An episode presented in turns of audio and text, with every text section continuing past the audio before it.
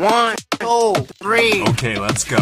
Hei og velkommen til Elektrokanalens På fem, hvor vi på fem knappe minutter skal gi deg innføring i et av verdens viktigste tema, i verdens viktigste bransje. Og da har vi kommet til en av de episodene som jeg har gledet meg mest til, Terje. Har du det? Ja, for i dag skal det handle om komfyrvakt. Ja.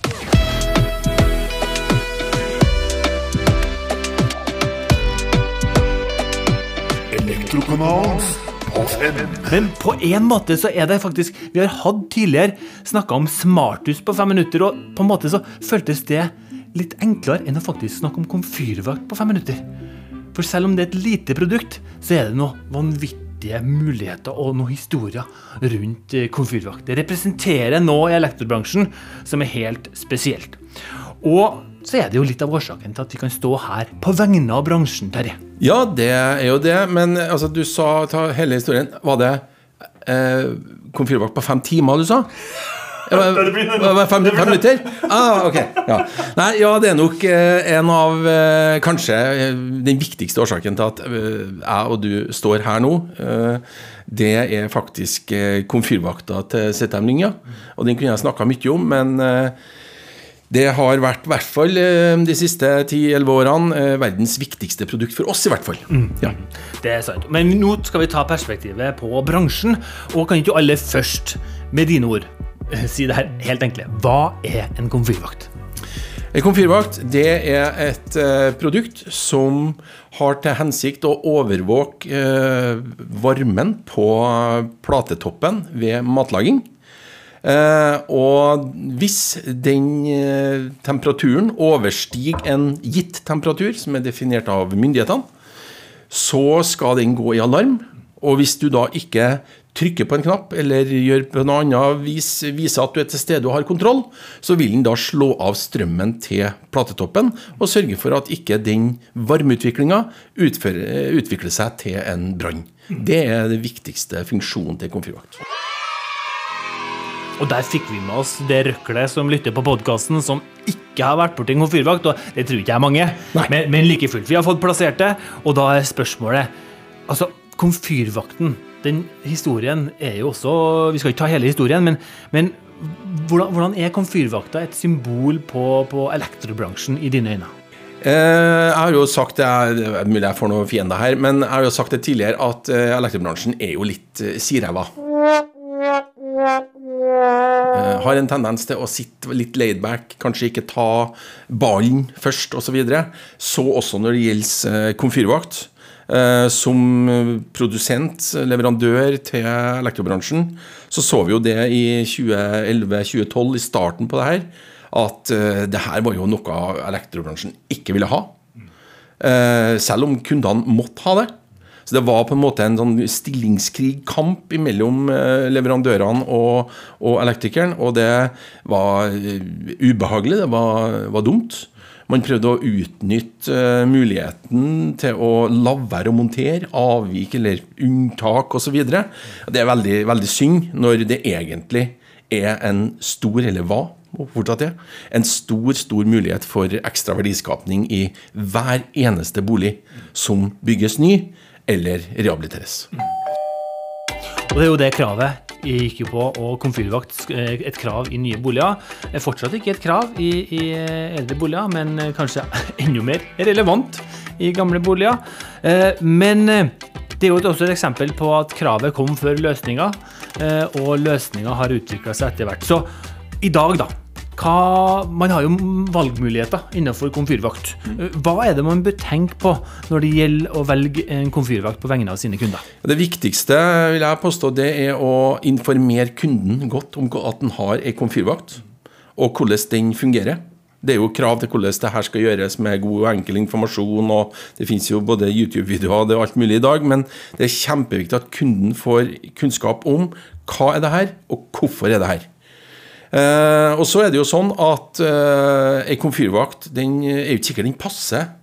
Det er ikke er sikkert det passer med veggmontering rett over platetoppen, sånn som de fleste har. Eh, da må du kanskje opp i hetta. Kanskje det ikke er hette, kanskje det er takmontert. Ja vel, Da må du kanskje ha en takmontert sensor. Og det her må jo tilpasses hvert enkelt kjøkken.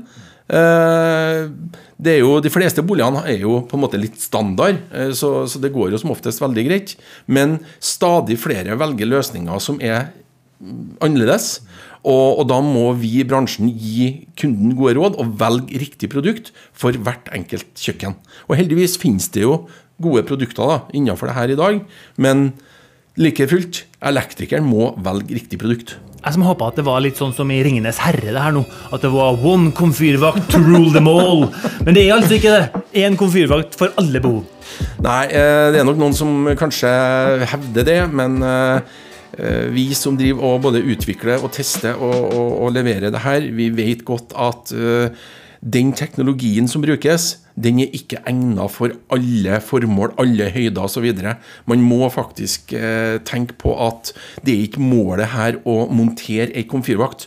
Målet er faktisk å etablere et produkt i huset som har til formål å redde liv. Det er det som er årsaken til at komfyrvaktkravet kom. At det faktisk var for mange branner som, som, følge av overoppheting på platetoppen. Og jeg bruker å si det at eh, For vi opplevde jo veldig ofte at uh, i starten at sluttkundene hadde bare putta denne sensoren nedi kjøkkenskuffa. Kanskje etter råd fra elektrikeren. Eh, jeg har jo lyst til å spørre samme elektrikeren. Monterer du røykvarslere inni klesskapene til kundene dine òg? Det har ingen hensikt. Så, og det her medførte jo faktisk eh, at allerede i 2014, tre år etterpå, så kom det jo et krav om at hvis du tar sensoren ned fra holderen sin, så slår du av platetoppen. Altså tampersikring, som ble krav. Og det kom jo som følge av at myndighetene gjennom DSB og andre så at uh, denne muligheten til å unngå å bruke produktet faktisk var der. Og da stramma man til. Og det gjorde det enda vanskeligere for produsentene da, å finne uh, riktig løsning. Det er hele tida kravet har utvikla eh, produktet. Eh, hvordan ser komfyr, fremtidens komfyrvakt ut, da, hvis du skal prøve å uh, gå inn i spåkula på, på et sånt uh, spesifikt produkt? Det er mange som har snakka om at uh, hvorfor ikke integrere komfyrvakta i platetoppen eller altså i andre løsninger. man skal huske på det at komfyrvakta den er et isolert produkt som også skal stå der selv om du bytter kjøkkenet ditt. ikke sant? Eh, så den er der for å hjelpe deg. Eh, så jeg tror ikke at den blir en integrert del eh, av verken platetopp eller andre ting. Det er ikke, det er ikke egna for det. Men den blir nok designmessig og fargemessig bedre og bedre. Det er grenser for hvor liten den skal være, eller kan være, for at den skal kunne gjøre jobben sin. Men den blir nok en, en viktigere og viktigere del av interiøret, sånn som andre elektroprodukter har blitt etter hvert. Litt av fremtiden kan jo han ha med navnet å gjøre. For det har vi snakka om tidligere. Altså Komfyrvakt er nesten et sånn utdatert navn på produktet. Fordi i dag så står det over en kjøkkenøy, en platetopp som egentlig ikke har noe sammenheng med den tradisjonelle komfyren. Altså, det burde jo hete platetoppvakt. Ja, på en måte. På en måte. vi får se, vi får snadde litt på den, men, men selve stekeovnen, den eh, lever jo sitt eget liv. Ja. Det, den eh, er ikke en del av det her regelverket, eh, men like fullt så er en, en del som Det er veldig mange som opplever at de glemmer av ting inni der. Uh, men det finnes heldigvis produkter for det også. Ja. Selv om det ikke heter komfyrvakt. Det heter ikke komfyrvakt. Game over. Da takker jeg for eh, innsikten om rundt komfyrvakta. Håper dere som lytter på også ble litt smartere. Og selv om ikke det er en komfyrvakt to rule them all, så kan vi i hvert fall si at du, Terje, er komfyrvaktens herre. Takk til deg. Jo, tusen takk. vi høres. Elektrokanalen på fem.